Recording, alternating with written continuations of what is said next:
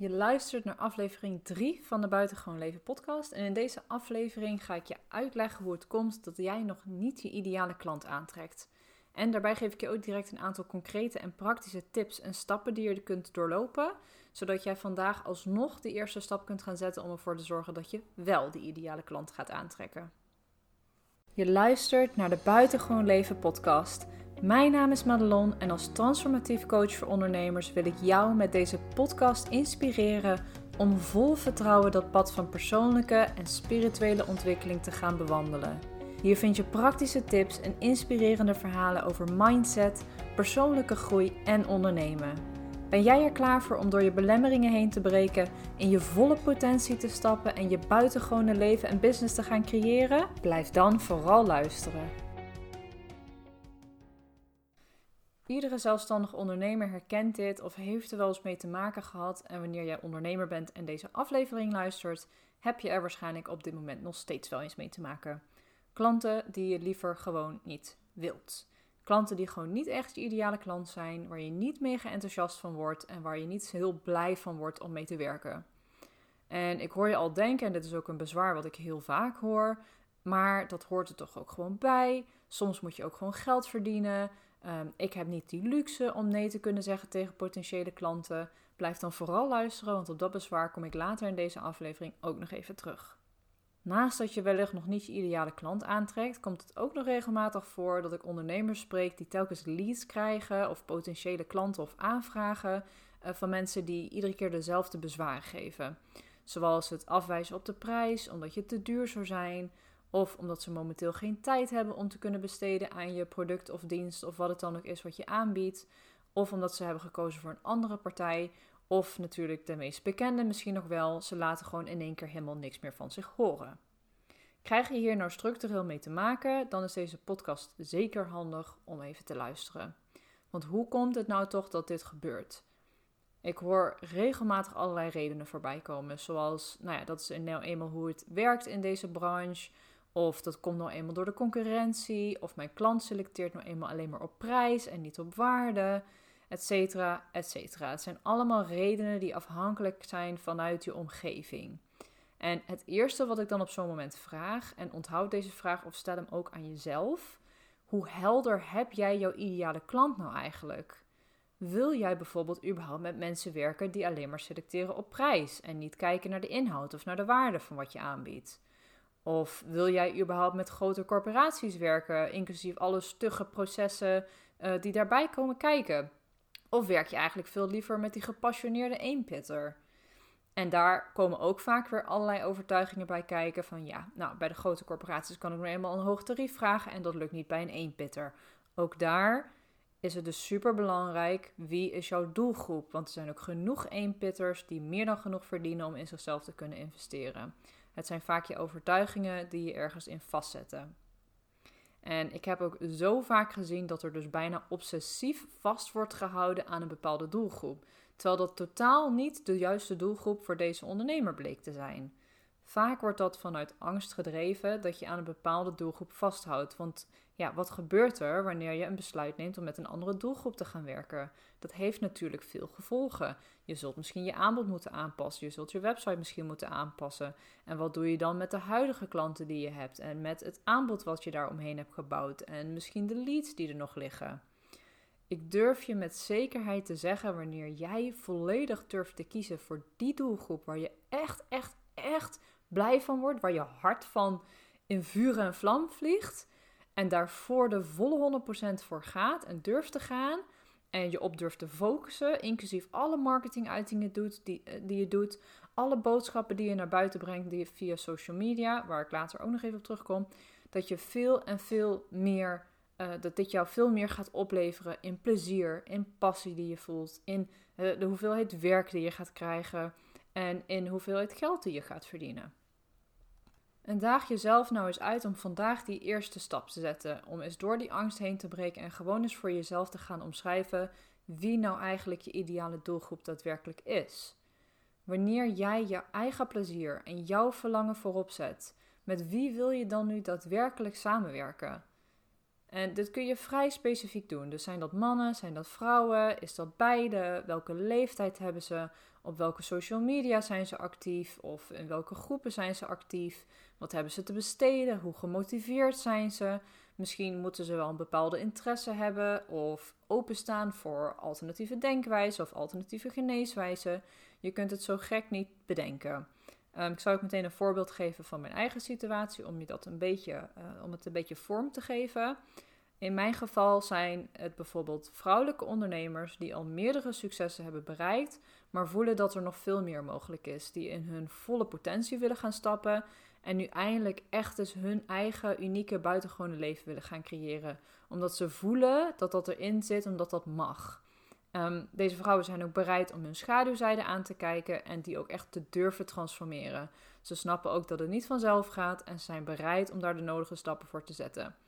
Daarnaast vind ik het belangrijk dat deze vrouwen ook al de nodige stappen hebben gezet op het gebied van persoonlijke groei en zijn ze bekend met dingen als mindset en de wet van de aantrekkingskracht. Nou ja, zoals je merkt is deze doelgroepomschrijving al behoorlijk specifiek. Wat ik nu dan ook vaak hoor, zijn mensen die dan zeggen van ja, maar als ik zo'n specifieke doelgroep maak, dan ga ik mensen buitensluiten en dan loop ik misschien omzet mis of dan loop ik geld mis of, of klanten mis. Uh, maar juist doordat je heel specifiek wordt, ga je juist veel meer mensen aantrekken omdat je ze specifiek aanspreekt. Wanneer jij voor een grote doelgroep content probeert te maken, wordt het dus ook heel, heel breed en niemand voelt zich daardoor echt aangesproken. Maar wanneer jij heel specifiek weet voor wie ben jij nu eigenlijk, of, of voor wie, ehm, waar, naar wie ben je nou eigenlijk op zoek? Wie is nou echt je ideale doelgroep? Dan ga je die mensen dus echt aanspreken op hun verlangen, op hun pijn. Daar kom ik ook straks nog op. Um, waardoor zij zich veel meer toegetrokken voelen tot jou. En daardoor zorg je er dus ook voor dat je juist die mensen naar je toe gaat trekken, zodat jij jouw business daar echt helemaal omheen kunt gaan bouwen. En dat gaat dan helemaal vanzelf ook, omdat je daar het meeste plezier uit haalt. Dus zodra jij bijvoorbeeld content gaat maken, of stukken gaat schrijven, of uitingen gaat doen, op wat voor manier dan ook, via podcast, video of naar buiten toe in, in, het, in netwerkgroepen bijvoorbeeld, dan ga je ook veel meer vanuit je passie en vanuit je, vanuit je plezier praten, omdat je op zoek bent naar die mensen waar je echt, echt het allerliefste mee werkt. Waardoor jouw aantrekkingskracht dus ook vele malen groter wordt en de kans dat je de mensen naar je toe haalt die bij je passen, die het maximale gaan halen uit jouw dienst of product wat je aanbiedt, is veel groter. Zorg dus dat je super kristalhelder hebt met welke mensen jij echt het alle, alle, alle, allerliefst wil werken.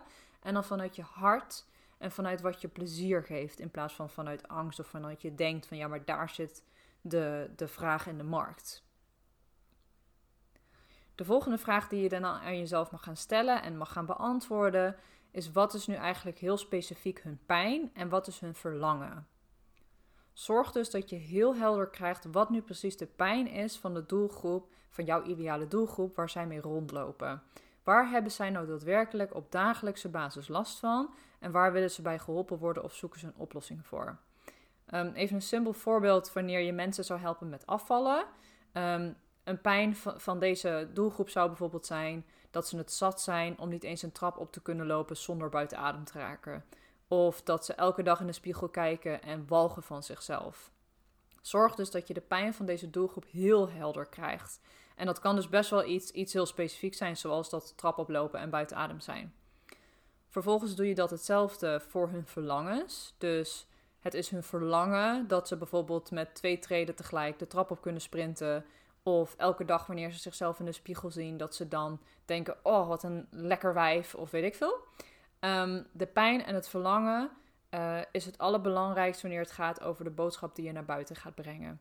Dus daarmee zorg je dat zij zich aangetrokken voelen tot jou, omdat je dus perfect omschrijft waar ze mee rondlopen. En geef je direct hun, hun, hun ideale uh, resultaat weer. Ehm, de pijn en het verlangen kun je bijvoorbeeld achterhalen door letterlijk aan je klanten te gaan vragen waarom ze bij je kwamen en waar ze naar verlangden toen ze met je gingen samenwerken. Uiteraard zou je ook een, een doelgroeponderzoek kunnen doen via social media. Of uh, wat je ook makkelijk kunt doen, is bijvoorbeeld gewoon je doelgroep gaan opzoeken op social media en hun gaan volgen, zodat je ook kunt zien waar zij nou echt daadwerkelijk tegenaan lopen. En hun woorden kun je dan vervolgens letterlijk gebruiken in jouw uh, marketinguitingen of in je webteksten of de manier waarop je jezelf naar buiten brengt. dat is ook meteen de volgende stap, is dus zorgen dat je dat pijn en dat verlangen, die ideale doelgroep, heel helder naar buiten brengt. Dus het is belangrijk dat je op je website, op je social kanalen en wanneer jij jezelf presenteert naar buiten toe, dat het continu in lijn is met deze ideale doelgroep en met het pijn en verlangen van deze doelgroep. Anders ga je alsnog de verkeerde mensen aantrekken. Wanneer jij bijvoorbeeld alleen maar werkt met bedrijven of ondernemers, maar dit nergens benoemt op je website, is de kans heel groot dat je ook aanvragen gaat krijgen van niet-ondernemers. Dus hoe helderder jij hierin bent, hoe groter de kans dat je ook echt die ideale doelgroep gaat aantrekken. Het schept duidelijkheid en het fungeert ook meteen als een filter, als het ware. Ehm, als ik mezelf weer als voorbeeld neem, ik wil bijvoorbeeld met ambitieuze, gemotiveerde mensen werken. Daarom werk ik ook met een best uitgebreid aanvraagformulier voor mijn coachingstrajecten. Wanneer je op mijn website komt en je wil met mij samenwerken, dan kun je uh, via één op één coaching met mij werken. En wanneer je daar een aanvraag voor doet, moet je best wel een uitgebreid formulier invullen.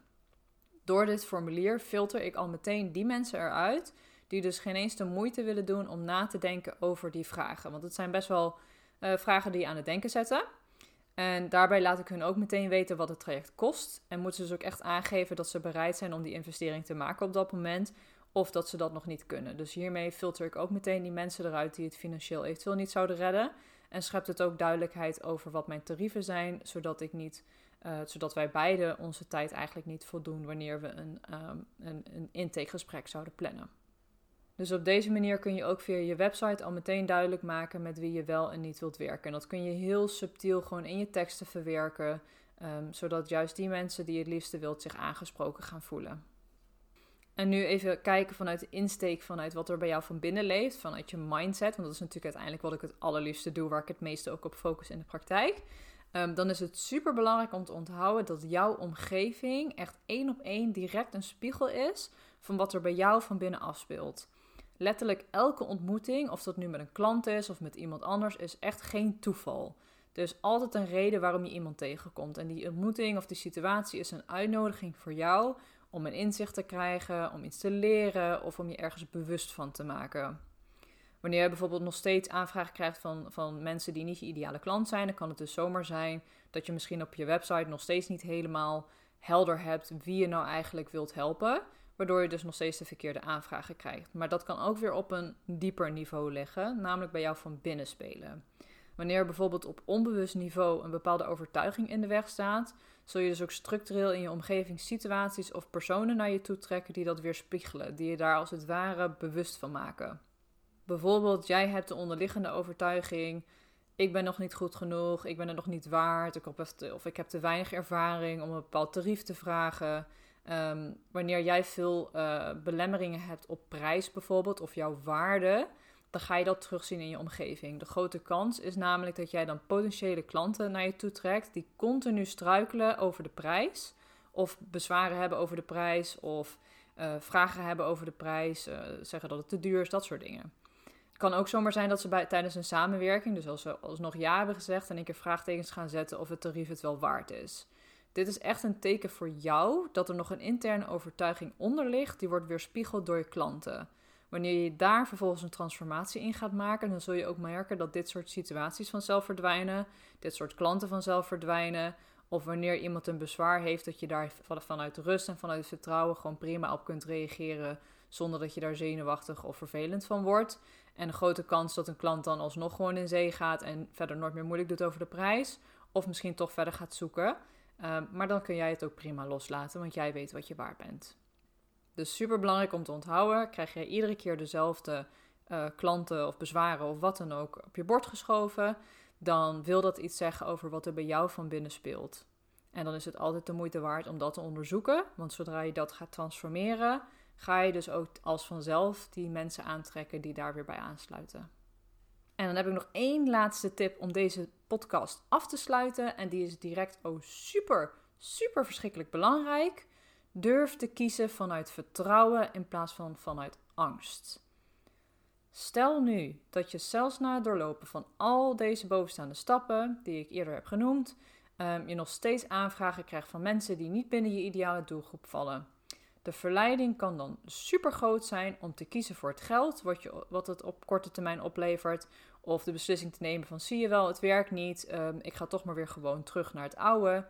En je kiest dan voor samenwerking niet op basis van vertrouwen, namelijk voor wat echt goed voelt en wat bij je past, maar op basis van een tekort. Angst om te weinig geld te hebben, angst dat het niet werkt voor jou, angst dat het niet gaat lukken. Het kost simpelweg tijd om die energieshift te maken. Dus zodra jij op je website naar buiten toe steeds meer gaat laten zien wie jouw ideale doelgroep is en voor wie jij het liefst wilt werken, kost het simpelweg tijd voor het universum of hoe je het ook wil noemen om zich daarop aan te passen en die energieshift te maken. Durf dus te blijven vertrouwen en te blijven kiezen voor wat je werkelijk wilt voor het plezier. Blijf geloven in overvloed. Blijf vertrouwen in het universum. En door dus op zo'n moment nee te zeggen tegen klanten die niet bij je passen, die je liever gewoon niet naar je toe wilt trekken, stel je weer een deur open naar de mensen die wel bij je passen. In dit geval is een nee tegen het een echt een ja tegen het ander. Ehm, en je kunt het bijna zien als een test van het universum of je inderdaad echt klaar bent om die sprong te wagen en te kiezen voor wat je plezier geeft.